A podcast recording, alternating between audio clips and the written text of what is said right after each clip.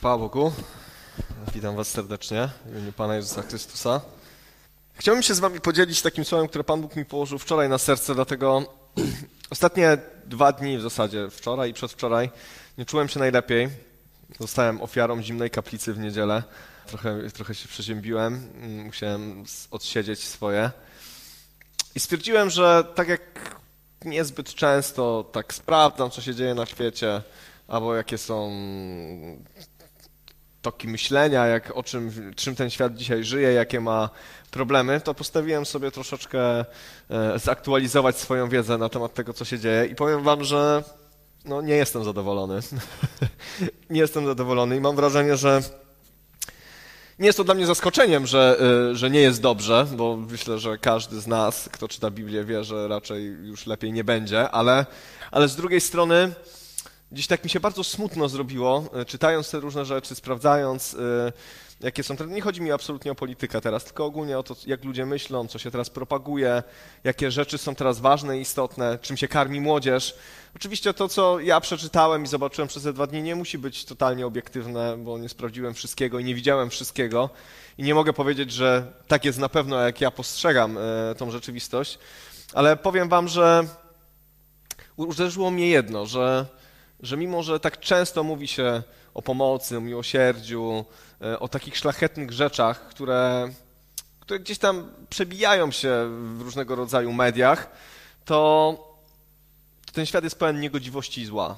Niegodziwości i zła, i to takiej niegodziwości i takiego zła, które jakby ciężko sobie wyobrazić, że człowiek jest w stanie zrobić coś, takie, coś takiego drugiemu człowiekowi wiecie, jakiś handel ludźmi, e, e, handel narkotykami, e, problemy jakby społeczne w Afryce, gdzie, gdzie ludzie giną i naprawdę są to takie przerażające, smutne rzeczy. Ja nie chciałbym teraz o nich opowiadać, ale, mm, ale bardzo mocno mnie to uderzyło, dlatego że jest to pewien obraz świata, w którym żyjemy i funkcjonujemy. Mamy swoje problemy. Mamy swoje rodziny, mamy, mamy swój świat, w którym funkcjonujemy i on niekoniecznie jest tak zły, jak to, co jest y, gdzieś tam za nami. To nie jest to, co się dzieje być może w Afryce, co się dzieje być może, nie wiem, w Ameryce Południowej, gdzieś tam w Ameryce Łacińskiej.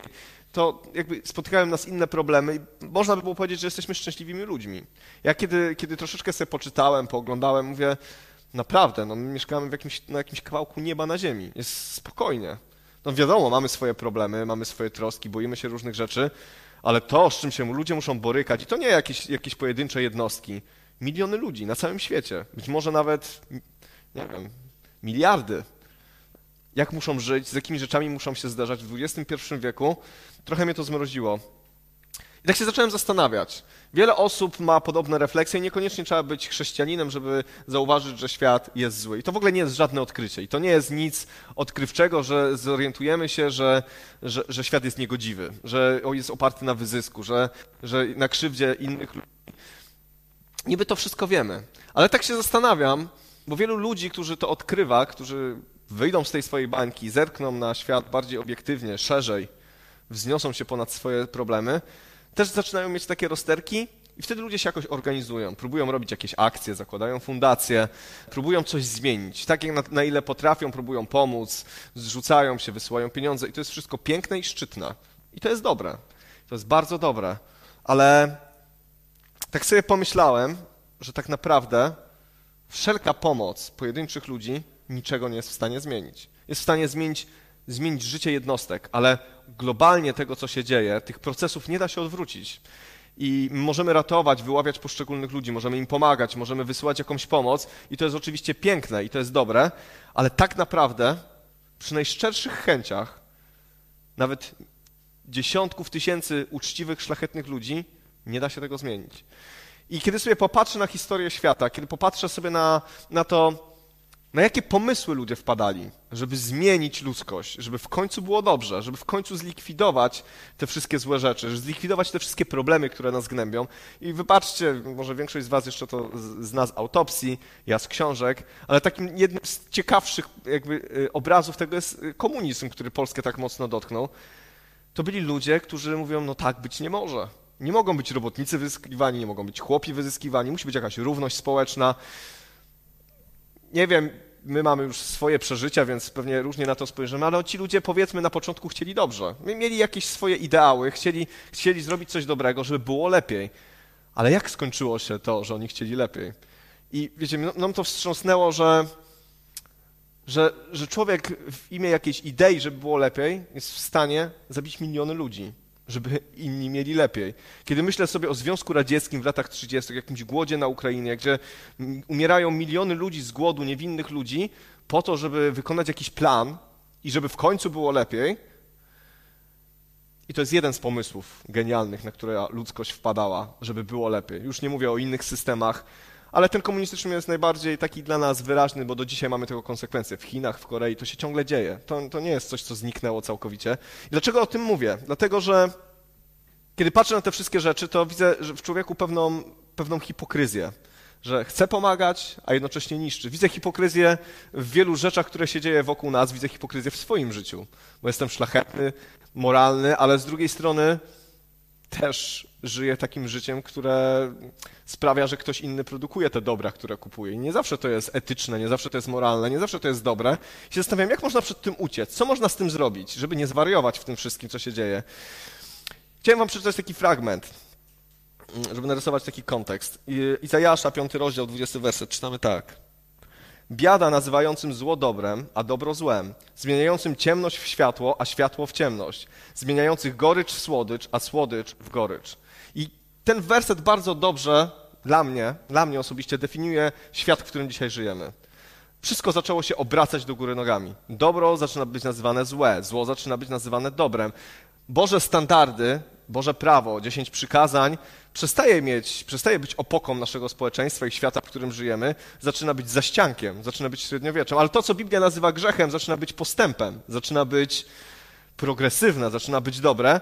I to jest takie, takie szalone, to jest takie straszliwie dziwne, że zrobiliśmy taką woltę jako ludzie, biada nazywającym zło dobrem, a dobro złem.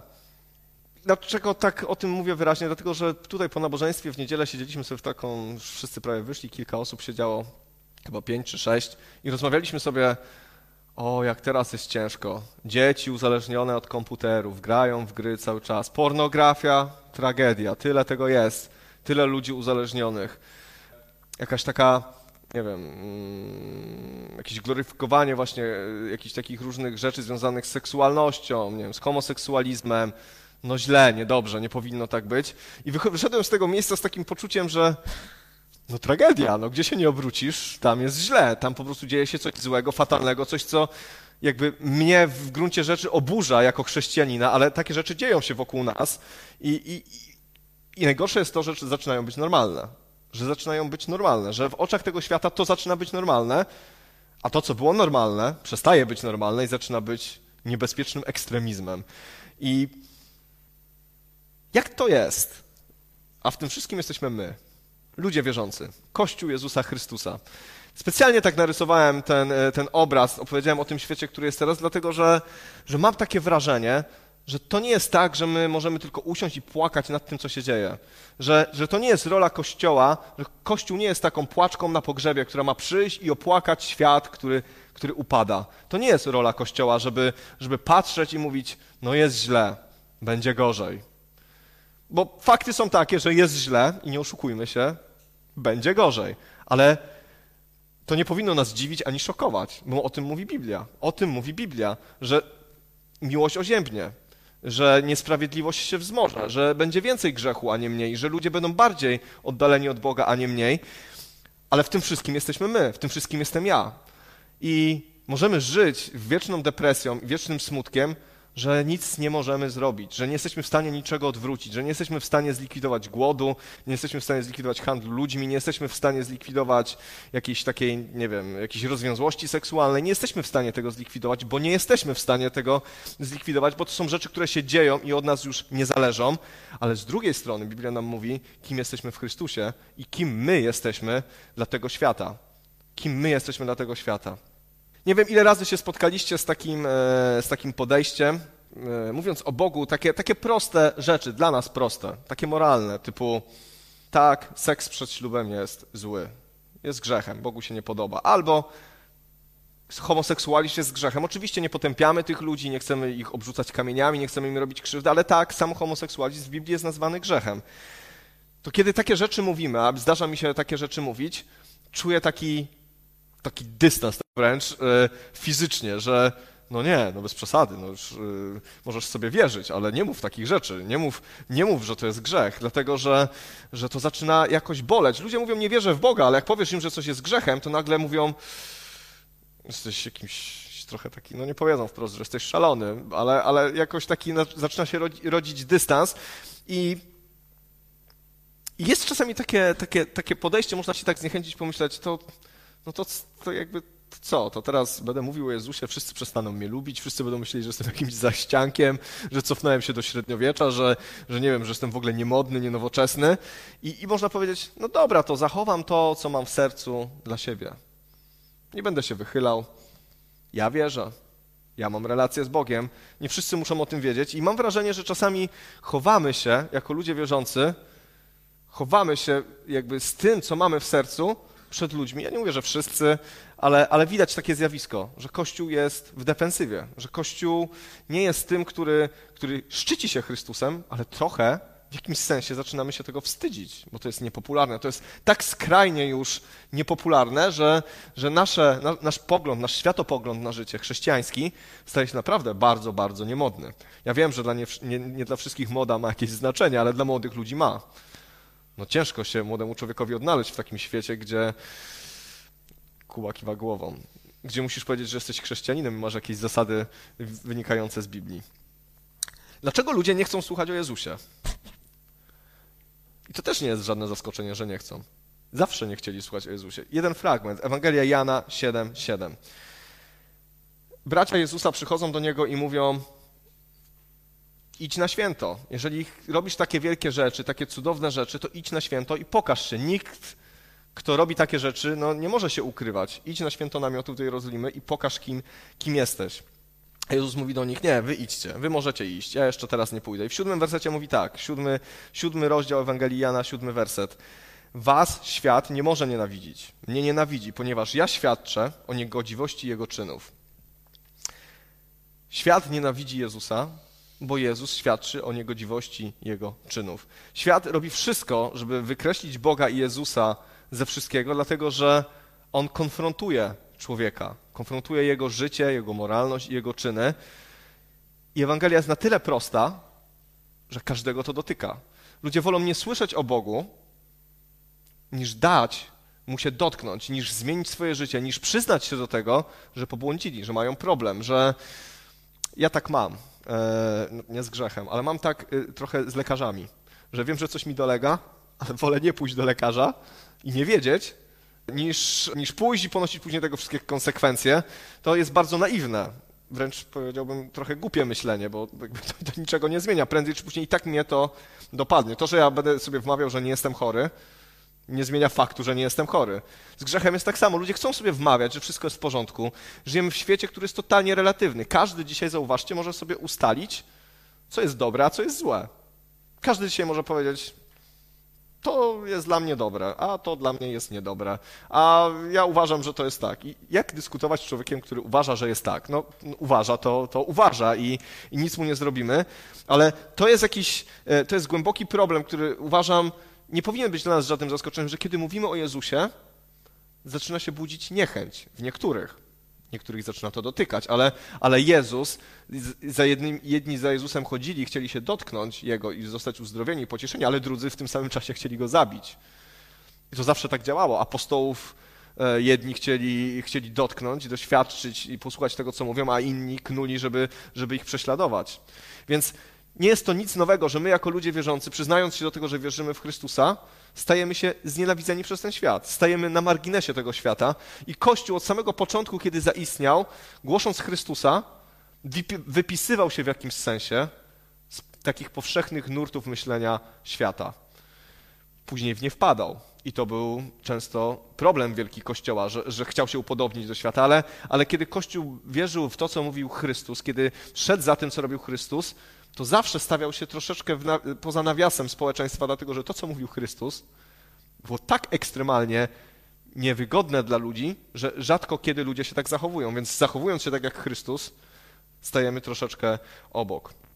I powiem wam, że e, ja nie spodziewam się po tym świecie niczego dobrego. Takie może pesymistyczne, ale nie spodziewam się niczego dobrego po, e, po tym, co się dzieje, po tym, w, jakim, w jaką stronę świat idzie, po tych poglądach, które teraz są jakby dominujące, po polityce się niczego nie spodziewam z, z żadnej ze stron. Nie mam oczekiwań i nie pokładam w tym nadziei. Nie pokładam w tym nadziei, dlatego że powinniśmy mieć jako ludzie wierzący zupełnie inny światopogląd. Mówię o tym dlatego, że my jako Kościół, jako ludzie wierzący, będę generalizował. Wybaczcie, jeżeli ktoś z Was nie ma tego problemu, to uznajcie, że mówię o kimś innym, ale też nie tak, wiecie, że, że, że Was to zupełnie nie dotyka i że to mnie zupełnie nie dotyka. Myślę, że my jako ludzie wierzący za, za mało, za dużo się interesujemy, przepraszam, za dużo się interesujemy tym światem, tym, co się w nim dzieje, a za mało się interesujemy tym, kim my jesteśmy w Chrystusie i po co tu jesteśmy. Za dużo uwagi skupiamy się na tym, co jest wokół nas, na rozwiązywaniu problemów tego świata, których nie da się rozwiązać, a za mało zajmujemy się tym, kim jesteśmy w Chrystusie i co to realnie może zmienić dla naszych rodzin, dla naszych bliskich, dla naszego kościoła. Za dużo się interesujemy, kto rządzi, jak rządzi i co robi, a za mało się interesujemy tym, co Chrystus nam dał i co nam daje i co chce, żebyśmy robili w Jego imieniu. Za dużo się interesujemy tym, jakie przyniesie owoce pandemia, no pewnie złe przyniesie i pewnie ekonomia na tym ucierpi, wszystko na tym ucierpi, życie społeczne na tym ucierpi, ale za mało zajmujemy się tym, co Chrystus może zrobić w tej sytuacji, jak On może obrócić tę sytuację na swoją chwałę. I bardzo mnie to mocno dotyka, dlatego że, że dobrze wiemy o tym, że jaka jest przyszłość tego świata. Każdy, kto przeczytał Biblię od początku do końca, nie powinien mieć złudzeń. A mam wrażenie, że wielu chrześcijan ma złudzenie że tu osiągniemy jakiś raj, że tu będzie dobrze, że tu się skończą problemy. Ja czytam Biblię i widzę, że to się skończy gniewem Bożym, że Pan Bóg w pewnym momencie powie basta, koniec. Zło się już tak rozlało, że będzie musiał zainterweniować. Pewne rzeczy się dzieją i nie wmawiajmy sobie, że nastanie, chociaż chrześcijanie przez wiele setek lat sobie wmawiali, że nastanie jakieś cudowne imperium, ale kiedy czytamy, czytamy Biblię, to wiemy, że będzie tysiącletnie królestwo. Owszem, ale przed tym tysiącletnim królestwem będzie się działo. Będzie się działo i wiemy, jaki jest koniec tego świata, jaka przyszłość czeka ten świat i że on ostatecznie zostanie zniszczony. Że on zostanie ostatecznie zniszczony. Wiecie, to jest dla mnie takie szokujące, że to taka moja refleksja y, na temat polityki. Wybaczcie, na temat podejścia chrześcijan do polityki. Jakbym, gdyby chrześcijanie, niektórzy mieli taką gorliwość w głoszeniu Ewangelii, jak w sporach politycznych, to myślę, że byśmy mieli naprawdę dwa razy więcej chrześcijan e, ewangelicznie wierzących w Polsce. Te kłótnie e, o politykę. Wiecie, kiedy angażujesz się w politykę dzisiaj, w dzisiejszych czasach, automatycznie zniechęcasz do siebie 50% populacji. Po co? Co my chcemy osiągnąć? Czy polityka kogokolwiek zbawi? Czy wygrane wybory czy drugiej partii kogokolwiek zbawią? Czy będzie lepiej? Może będzie, a może nie. Nieważne, ale to nie są nasze, y, to nie są nasze prerogatywy. To nie jest coś, co dla nas powinno być najważniejsze. Czy ktoś rządzi? Czy... Biblia mówi, co mamy robić z władzą. Mamy ją błogosławić. Żeby nam się dobrze żyło i pobożnie na tej ziemi. I amen. I być posłuszni. Jakie są granice posłuszeństwa, to jest inna sprawa, ale wiecie, dla, dla mnie jest to jakieś takie istotne, dlatego że zaangażowanie nas w te rzeczy tego świata sprawia, że rozpraszamy swoją uwagę, a uwagę mamy jedną, pewną, pewien, pewną energię do działania mamy jedną. I skoro skupiamy się na rzeczach tego świata tak bardzo, na polityce, na ekonomii, na społeczeństwie, na tym biadoleniu, na oglądaniu różnych rzeczy, na kłóceniu się o jakieś różne bzdury, to tracimy energię, którą moglibyśmy wykorzystać na budowanie Królestwa Bożego. Budujemy jakieś ludzkie rzeczy, kłócimy się, e, o jakieś takie rzeczy, które, które, które nie mają żadnego odbicia w wieczności. One nawet nie mają odbicia w, w, w, jakiejś jednej dekadzie, bo to się wszystko tak szybko zmienia. Być może to nie ma już nawet nie będzie miało znaczenia dla naszych dzieci czy wnuków, jeżeli oni będą w ogóle mieli okazję takie rzeczy oglądać. Więc przeczytam fragment, żeby nie było. drugi fragment, e, drugi, przepraszam, list do Koryntian, czwarty rozdział, 17 werset mówi tak. Drugi, drugi list do Koryntian, czwarty rozdział, 17 werset. Chwilowa lekkość naszego ucisku zapewnia nam nieporównywalnie większą wagę wiecznej chwały. Nam, którzy zabiegamy nie o to, co widzialne, lecz o to, co niewidzialne. Bo to, co widzialne przemija, a to, co niewidzialne jest wieczne. Ile razy to czytamy? Ile razy to czytamy? Ile razy czytamy w Biblii, kiedy Jezus mówi: Nie troszcie się, nie zastanawiajcie się, szukajcie Królestwa Bożego. I kiedy, ile razy czytaliśmy tą przypowieść o tym bogaczu, który, któremu pole obrodziło i zburzył stare y, stodoły, wybudował nowe i powiedział: Ale super, teraz będę jadł i pił i cieszył się ze swojego życia, a Pan powiedział: Głupcze, jeszcze tej nocy umrzesz. Ile razy czytamy te fragmenty, a z uporem maniaka, mam wrażenie, z uporem maniaka, mówimy, to mądre jest, to jest dobre, tak powinno być. Po czym kończy się nabożeństwo, kończy się czytanie Biblii i wracamy do tej swojej orki. I wracamy ze swoimi myślami, swoimi pragnieniami do tego, co jest w tym świecie, do tego, co przemija. Bardzo mocno mnie to uderzyło, że przemija, kiedy człowiek jest chociaż przez chwilę chory, kiedy jakby nie, jego organizm nie funkcjonuje tak, jak chce i kiedy czuje się jakiś osłabiony, zmęczony, boli go głowa, ma katar, to tak trochę czuję, no nie wiem, czy tak macie, ja tak trochę czuję swoją nędzę, czuję swoją kruchość jako człowieka, że jestem taką delikatną konstrukcją, że taki katarek od razu sprawia, że siedzę, jęczę, żonę proszę, żeby mi herbatę zrobiła, jakbym nie mógł sam sobie zrobić. E, wiecie, od razu jest jakoś tak wszystko, nastrój opada. No, taka głupota, taka głupota. Jak bardzo jesteśmy krusi, a wydaje nam się, że zmienimy świat, że zdobędziemy świat, że będziemy Mam takie, przepraszam, jestem jakiś wyjątkowo taki bezpośredni, ale mam wrażenie, że wielu ludzi myśli, że oni zbawią świat, że tyle zarobią pieniędzy, że tak się obłowią, że już naprawdę super, że będzie wszystko fajnie. Po czym przychodzi pandemia, której nikt się nie spodziewał, nikt by sobie trzy lata temu nie zaplanował, nie powiedział, że coś takiego się wydarzy i nagle wszystko zadrżało. Majątki upadają, oszczędności się kończą, zdrowie gdzieś znika, bo człowiek jest kruchy. Człowiek jest kruchy, ale tutaj jest napisane, żebyśmy zabiegali nie o to, co widzialne, ale o to, co niewidzialne, bo to, co niewidzialne jest wieczne. To, co niewidzialne jest wieczne. I ta perspektywa wieczności, jak znika z myślenia człowieka wierzącego to, że jest wieczność, to uważam, że jesteśmy zgubieni. Jeżeli przestajemy myśleć o tym, że nasze życie, to co robimy tutaj na Ziemi, ma odbicie w wieczności, to jesteśmy zgubieni to prędzej czy później się zgubimy. Kiedy przestajemy myśleć kategoriami idę do nieba, czeka mnie wieczność z Chrystusem i to jest moje przeznaczenie, to prędzej czy później będziemy zgubieni. Prędzej czy później zaczniemy urządzać się tutaj i zaczniemy inwestować w to, co widzialne. To jest najgorsza inwestycja według Biblii. Inwestować w to, co tutaj. Naprawdę. Biblia o tym mówi. Bo to przeminie. Ile wielkich imperiów upadło? Ile wielkich królów już nie żyje? Powiem wam, ja, ja bardzo lubię historię i, i, za każdym razem, jak czytam coś nowego, mówię, to tam istniało takie wielkie imperium, więc w ogóle nie wiedziałem, że oni istnieli. E, jakieś imperium Mitanni w Azji Mniejszej, gdzieś w połowie XX wieku, XX wieku przed naszą erą. Jakieś potężne imperium. Żadnego króla stamtąd nie znam. Oni trzęśli ziemią wtedy, wszyscy się ich bali, wszyscy się przed nimi kłaniali. My nawet o nich nie wiemy.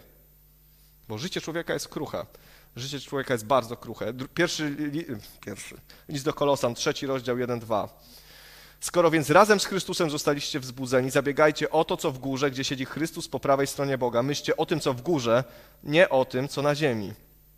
Ale to sformułowanie, skoro więc razem z Chrystusem zostaliście wzbudzeni. Jeżeli zostaliśmy razem z Chrystusem wzbudzeni, i naprawdę, na poważnie to się wydarzyło, nie w kwestii zapisania się do kościoła albo zadeklarowania się teraz będę zielonoświątkowcem, ale jeżeli zostaliśmy wzbudzeni z Chrystusem, no to wtedy zabiegajcie o to, co w górze. Zabiegajcie o to, co w górze. Ja wierzę, że ta cząstka, kiedy Duch Święty przychodzi do kościoła, kiedy On przenika nasze ciała, kiedy my wołamy przyjdź Duchu Święty, On zmienia nasze myślenie. On nie, on nie sprawia tylko, że jest nam przyjemnie na nabożeństwie. Nie sprawia tylko, że dary Ducha Świętego się objawiają. Chwała Bogu, potrzebujemy tego po prostu jak wody, żeby to się działo w nas, ale kiedy Duch Święty w nas zaczyna mieszkać, zaczynamy myśleć zupełnie innymi kategoriami to, co przyziemne, to, co przemijające, staje się dla nas mniej ważne. To, co wieczne, staje się dla nas bardziej priorytetowe i zawsze tak działa to. Im jesteśmy bliżej Boga, tym bardziej myślimy o tym, co w górze, im jesteśmy dalej od Boga, tym bardziej myślimy o tym, co na ziemi. Diabeł chce zrobić wszystko, żebyśmy myśleli o tym, co na ziemi. Żebyśmy tutaj się angażowali, żeby tu było nasze serce, żeby tutaj były wszystkie nasze myśli, a Kościół raz do czasu. Raz do czasu możesz sobie pójść do kościoła, a jak nie pójdziesz, to też się nic nie stanie. Jak poczytasz Biblię i nie wiem, raz w tygodniu zabijesz troszeczkę sumienie, to czytałeś Biblię? Czytałeś Biblię? Jak ktoś się spyta, czytasz Biblię, to możesz powiedzieć, czytam Biblię systematycznie, raz w tygodniu. E, nie chodzi o to, że diabeł jest w stanie y, nas wyrwać na siłę.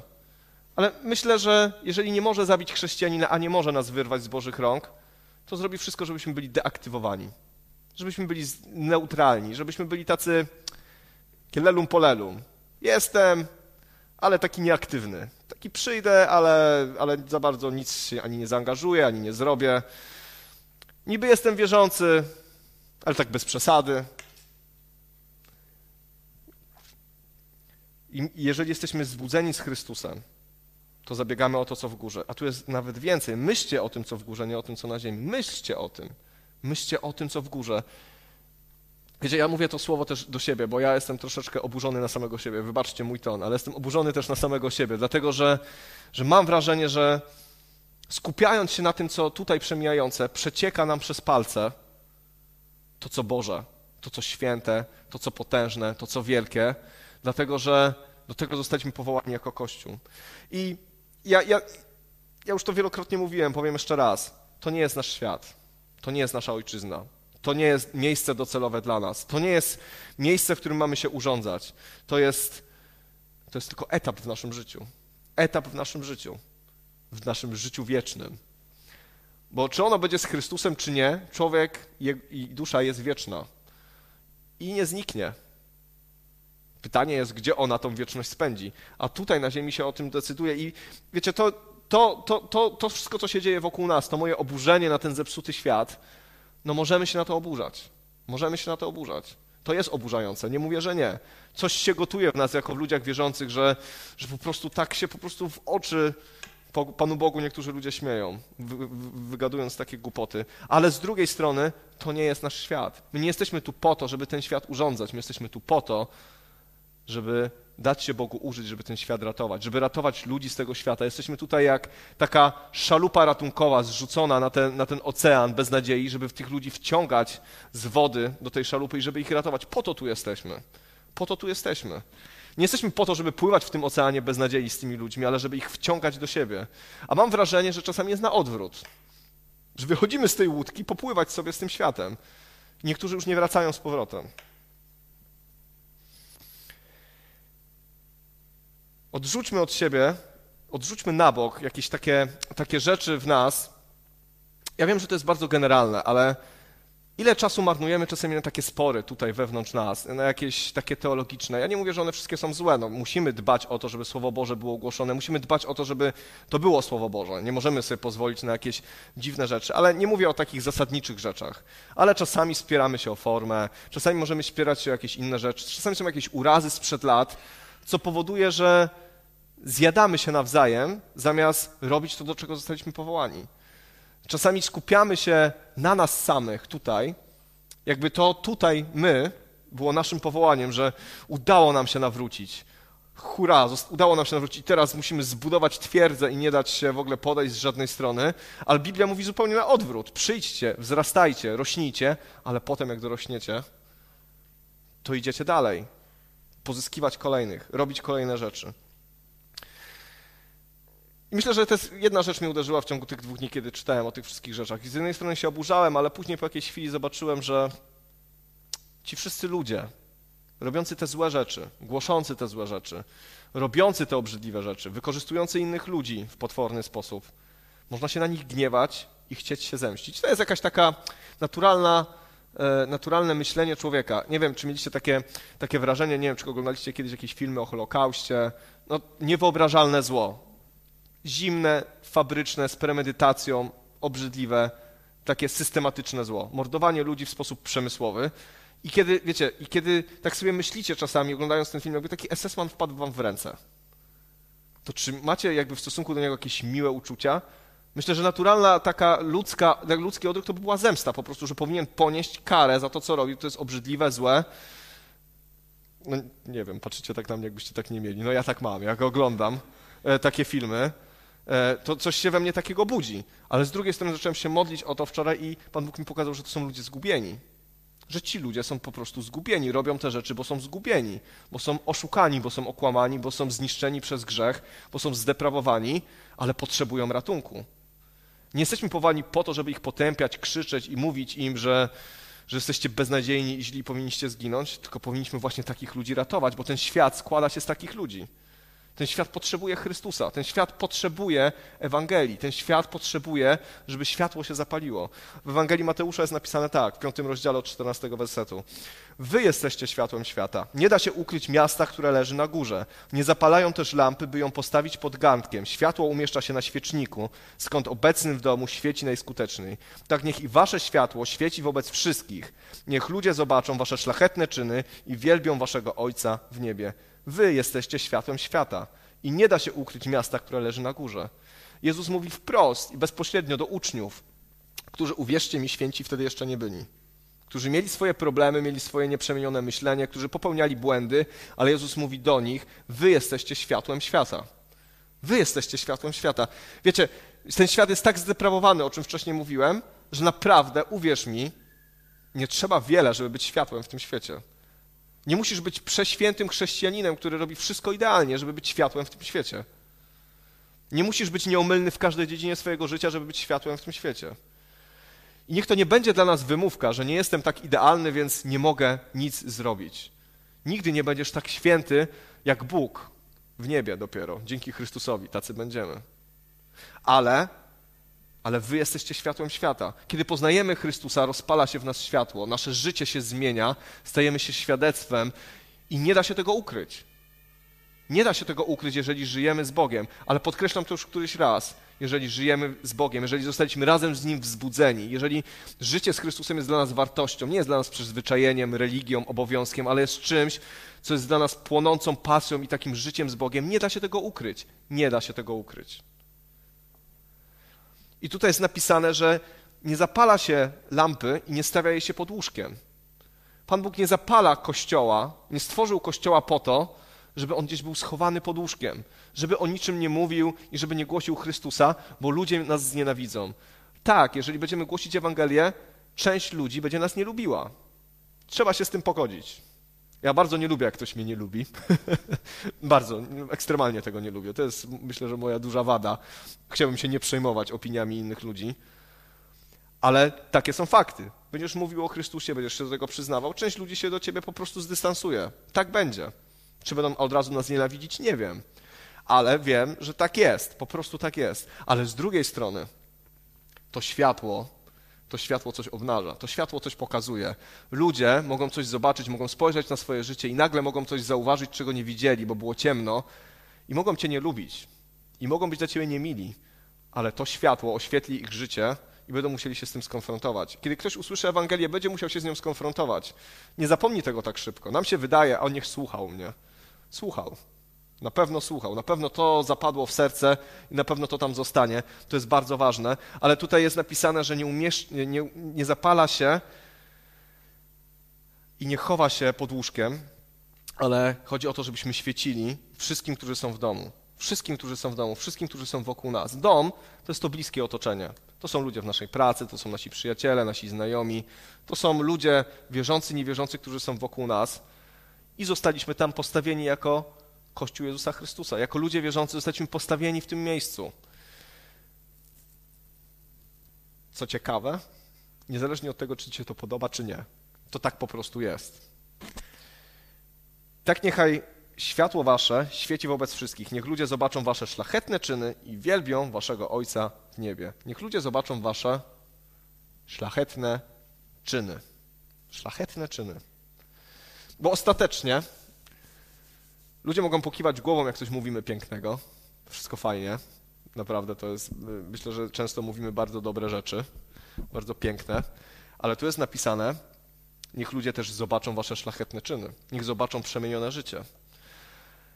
Niech zobaczą, że to, co jest napisane w Biblii, jest w naszym życiu. No i oczywiście nie mamy problemów z moralnością typu mm, taką codzienną. No, przestrzegamy tych zasad, pilnujemy, żeby takiej czystości małżeńskiej, nie przeklinamy, nie palimy, jesteśmy wolni od nałogów. Amen. Ale z drugiej strony, czy ludzie w nas widzą to słowo, które mówi nie troszczcie się? Czy ludzie w nas widzą to, że nie pokładajcie nadziei w tym świecie? Czy ludzie w nas widzą zachowujcie pokój między sobą? Czy ludzie w nas widzą te inne rzeczy, które wydają nam się takie może takim dodatkiem dla lepszych chrześcijan, ale one są w Biblii napisane jako coś bardzo podstawowego.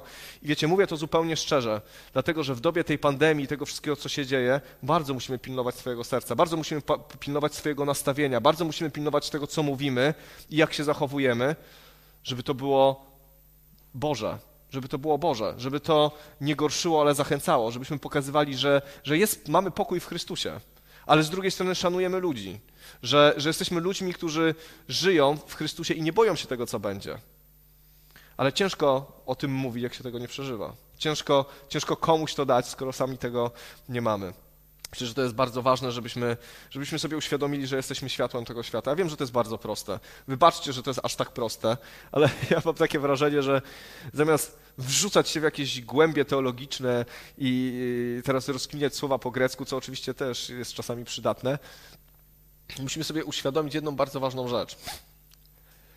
Że, że będąc ludźmi wierzącymi, zmienia nie tylko nasze wewnętrzne życie, nasze problemy, nasze, nasze trotki i jakby nie tylko my z tego korzystamy, ale automatycznie się zapalamy automatycznie stajemy się światłem, automatycznie pokazujemy ludziom, jest zbawienie i jest ratunek, bo ostatecznie przecież o to chodzi, żeby ludzie dowiedzieli się, że Chrystus jest, że jest żywy, i że jest prawdziwy, i że to wszystko, co jest napisane w Słowie Bożym, jest prawdą. To jest nasza odpowiedzialność. To jest nasza odpowiedzialność. Jeden jest ewangelistą i inny udziela jakiejś pomocy, drugi potrafi rozmawiać z ludźmi, inni wyjdą na ulicę, będą rozdawać zupę. Jest miliard sposobów na to, żeby okazać ludziom miłość i wskazać im na Chrystusa. I nie ograniczajmy się do kilku rzeczy, ale, ale, żeby to robić, musimy zrozumieć, że jesteśmy tu tylko na chwilę, że nasza wieczność jest z Chrystusem i nie przywiązywać się do tego, co jest tutaj.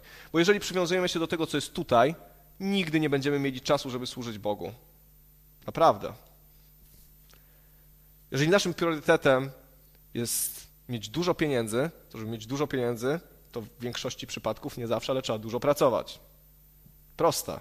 Proste równanie. Ja nie mówię, żeby w ogóle nie pracować, ale można się zatracić dla pracy.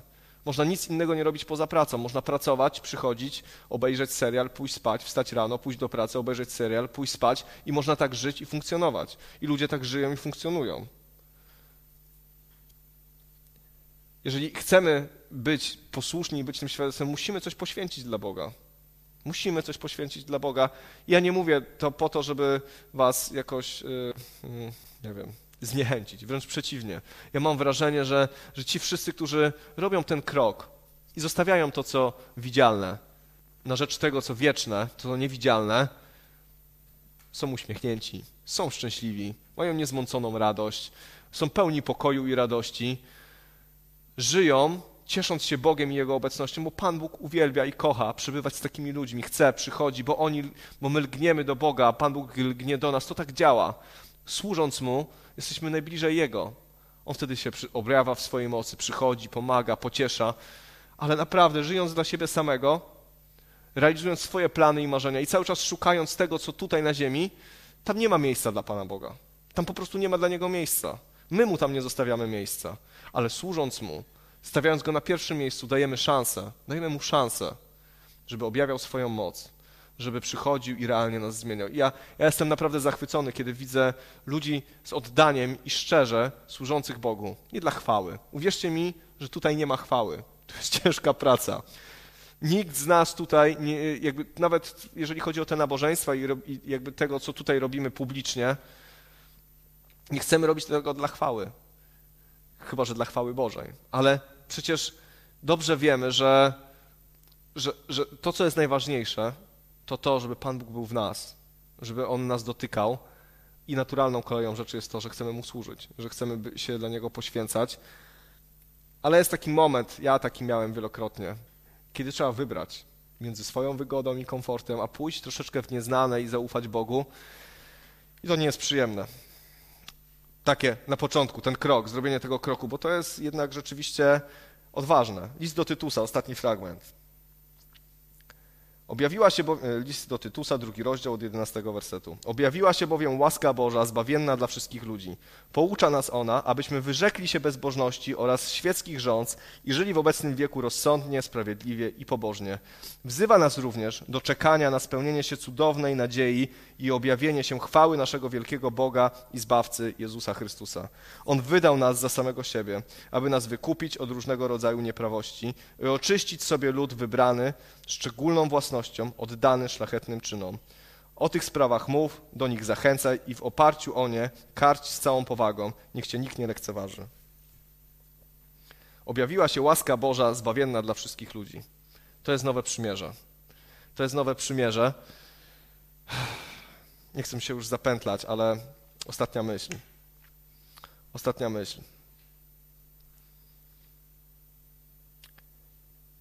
Lekiem na to całe zło, które nas otacza, na te wszystkie różne dziwne rzeczy, skomplikowane, mniej lub bardziej, na to zło, na te krzywdy, jedynym lekiem, to, to zabrzmi być może jak banał, ale jedynym lekiem na to wszystko jest Chrystus. Bo kiedy słuchamy, jak ludzie się zmieniają po spotkaniu Chrystusa, prostytutki, narkomani, gangsterzy, zwykli, grzeczni ludzie, wszyscy, kiedy spotykają Chrystusa, ich życie zmienia się o 180 stopni i to czyni Ewangelia. Pan Bóg i Duch Święty i Jezus Chrystus jest jedyny, który jest w stanie zmienić życie człowieka. I to, co my możemy robić, co powinniśmy robić, to tego Chrystusa pokazywać naszym życiem, naszymi uczynkami, naszą służbą i naszym poświęceniem. Bo naprawdę, jeżeli to dla nas będzie coś mało istotnego, nikt za tym nie pójdzie. Nikogo to nie zainteresuje. Skoro dla nas to nie jest ważne, to mam zmieniać swoje życie, a ty jak żyjesz? Ktoś może nam tak powiedzieć. Jeżeli w nas nie ma pasji, ognia i pragnienia, to kto za tym pójdzie? Kto to zobaczy? Kto to doceni? Ja wierzę, że Kościół został tu postawiony, żeby świecić, żeby być rozpalony, żeby był uświęcany przez Chrystusa i jakoś tak mocno i głęboko leży mi to na sercu, że przesta powinniśmy przestać mieć kompleksy. Powinniśmy przestać mieć kompleksy, że to nie przez nas, że to przez kogoś innego, że ktoś powinien przyjechać, że ktoś powinien coś zrobić, a może w jakimś innym mieście. Biblia mówi: Wy jesteście światłością świata. W Zielonej Górze jednym z kościołów, który jest tą światłością, jesteśmy my. My jesteśmy światłością tego miasta i naszych rodzin. I przestańmy przed tym uciekać. Po prostu stańmy odważnie, z wiarą przed Panem Bogiem, powiedzmy tak, chcę świecić, chcę Ci służyć, chcę ratować tych ludzi, nie chcę budować sobie tutaj życia, chcę się spotkać z Tobą, chcę spotkać się i oczekiwać na Twoje przyjście, chcę, tobie, chcę swoje życie całkowicie położyć w Tobie. I to jest takie proste. I wybaczcie mi, że tak długo o tym mówię, to jest takie proste. Strasznie mnie to dotyka. Strasznie mnie to dotyka, że Ewangelia jest taka prosta, że życie z Bogiem jest takie proste, że to nie jest naprawdę nic skomplikowanego, że to nie jest jakieś równanie, to nie są jakieś różniczki, to nie są jakieś całki, nie trzeba być geniuszem. To jest bardzo, bardzo prosta rzecz. Intelektualnie do zrozumienia myślę, że dla trzylatka. Chrystus umarł za twoje grzechy na krzyżu, oddajesz Mu swoje życie i Mu służysz, a później idziesz do nieba. Bardzo proste. Prostsze niż nam się wydaje. I myślę, że powinniśmy przestać wiecznie dywagować, co zrobić, jak to zrobić, ale z odwagą wejść w to miejsce, które Pan Bóg dla nas przygotował. Ja nie wiem, co Pan Bóg do ciebie dzisiaj mówi, ale do mnie mówi na pewno jedno. I to też wam chcę przekazać, bo wierzę, że mówi do Kościoła, żebyśmy byli odważni żebyśmy byli tymi, kim jesteśmy tak naprawdę w Chrystusie, żebyśmy nie patrzyli na ten świat, ale żebyśmy po prostu spełnili to, co Pan Bóg ma dla nas tutaj. Swoje zadanie. Wiecie, nagrodę odbierzemy w niebie za swoje trudy, za swoje być może zmęczenie. Naprawdę taką nagrodę odbierzemy, że nam się to dzisiaj w głowie nie mieści. Lepszą niż nowy samochód i nowy telefon. Lepszą niż nowy dom. Naprawdę. Lepszą niż wiele rzeczy tego świata. Miejmy domy, miejmy samochody, kupujmy telefony, amen. Ale niech to nie będzie dla nas najważniejsze. Niech to nie będzie dla nas jakaś najważniejsza rzecz w tym świe w świecie. Skupmy się na Chrystusie. Zaufajmy Mu. Niech On działa. Niech, niech On zmienia nas. Wiecie, to jest takie piękne, że, że to On nas będzie uświęcał. Jeżeli dajemy Mu dostęp do siebie, jeżeli wiemy, kim jesteśmy w Nim, jaka jest nasza rola w tym świecie, jeżeli wiemy, co jest lekarstwem na złotego świata, jeżeli wiemy, e, co On dla mnie zrobił, i przede wszystkim, jeżeli ja z nim przebywam, to On nas uświęca, to On nas zmienia, to On pokazuje nam nasze grzechy, to On przyprowadza nas do pokuty, to On nam pokazuje, co jest do zmiany, to On nas uświęca i zmienia każdego dnia. To jest po prostu Jego dzieło. To jest Jego dzieło. Chciałem, żebyśmy się teraz pomodlili. Możemy powstać. Chciałem Was tutaj na miejscu, ale też tych wszystkich, którzy są przed różnego rodzaju urządzeniami, zachęcić do tego, żebyśmy żebyśmy teraz przyszli do Boga i tak poprosili szczerze Ducha Świętego, tak szczerze poprosili Ducha Świętego, żeby przyszedł do nas i pokazał nam, gdzie jesteśmy. Ja wielokrotnie to mówię, ale ja myślę, że to tak bardzo istotne jest, żebyśmy zobaczyli i zrozumieli, jaka jest nasza rola w tym świecie, gdzie my jako chrześcijanie jesteśmy w tym świecie i co my jako chrześcijanie możemy zrobić w tym świecie, a możemy zrobić naprawdę wiele, bo możemy ratować ludzi na wieczność, żebyśmy to zrozumieli i żebyśmy temu podporządkowali swoje życie. Chrystusowi, Jego woli i Jego życiu, żebyśmy zaczęli traktować poważnie Słowo Boże, żebyśmy przestali skupiać się w kółko na sobie, ale spojrzeli szerzej na to, co się dzieje wokół nas i kim my w tym Bożym planie jesteśmy. Panie, dziękujemy Ci za to. Zapraszam też grupę. Panie Boże, dziękujemy Ci za to, że Ty nas powołałeś, Panie, w tym miejscu, Panie, Ty nas powołałeś w tym mieście, Panie, Ty nas powołałeś, Boże, w naszych rodzinach, wśród naszych przyjaciół, Panie po to, żebyśmy nieśli światło, Panie, po to, żebyśmy pokazywali, kim Ty jesteś, Boże, nie kim my jesteśmy, Boże, bo Ty dobrze wiesz, jacy jesteśmy, Panie, wiesz, że jesteśmy nieidealni, Boże, że jesteśmy niedoskonali, Boże, ale ja wierzę, że Ty swoją chwałę, Boże, objawiasz właśnie w tych naszych słabościach. Ja tak proszę Cię, żebyś Ty, Duchu Święty, nas rozpalał, żebyśmy przestali się chować, Panie, pod tymi łóżkami, Panie, żebyśmy przestali, Panie, zakrywać się jakimiś garnkami, ale żeby ta lampa świeciła, Boże. Ja wiem, Panie, że wielu z nas dzisiaj sobie myśli, jestem niegodny, to ja niczym nie świecę, moje życie jest kiepskie, Boże. Ja wiem, że my popełniamy błędy, ale teraz proszę Cię, Panie, żebyś przyszedł Duchu Święty i tak jak śpiewaliśmy na początku, otwórz nasze oczy, otwórz nasze oczy, Panie, kim my jesteśmy w Tobie i co Ty uczyniłeś w naszym życiu, że kiedy Ty zaprosiliśmy Ciebie do naszego życia, Panie, to Ty je zmieniasz, to Ty je prowadzisz, Panie. Chcemy do Ciebie przylgnąć, Panie. Jeżeli ta lampa przygasła, Panie, jeżeli nasze życie przygasło, Panie, to dzisiaj wyciągamy swoje ręce i Boże, wyciągamy je do Ciebie i prosimy Cię, żebyś nas rozpalił na nowo, Boże. Jeżeli ta lampa, Boże, ledwo co świeci, to prosimy Cię, dolej oliwy, Boże, ale tak proszę Cię o to, Panie, żebyś dał nam tą łaskę, Boże, żebyśmy zrozumieli, kim jesteśmy, Boże, kim jesteśmy jako Kościół, Panie, kim jesteśmy jako Twoje dzieci na tym świecie.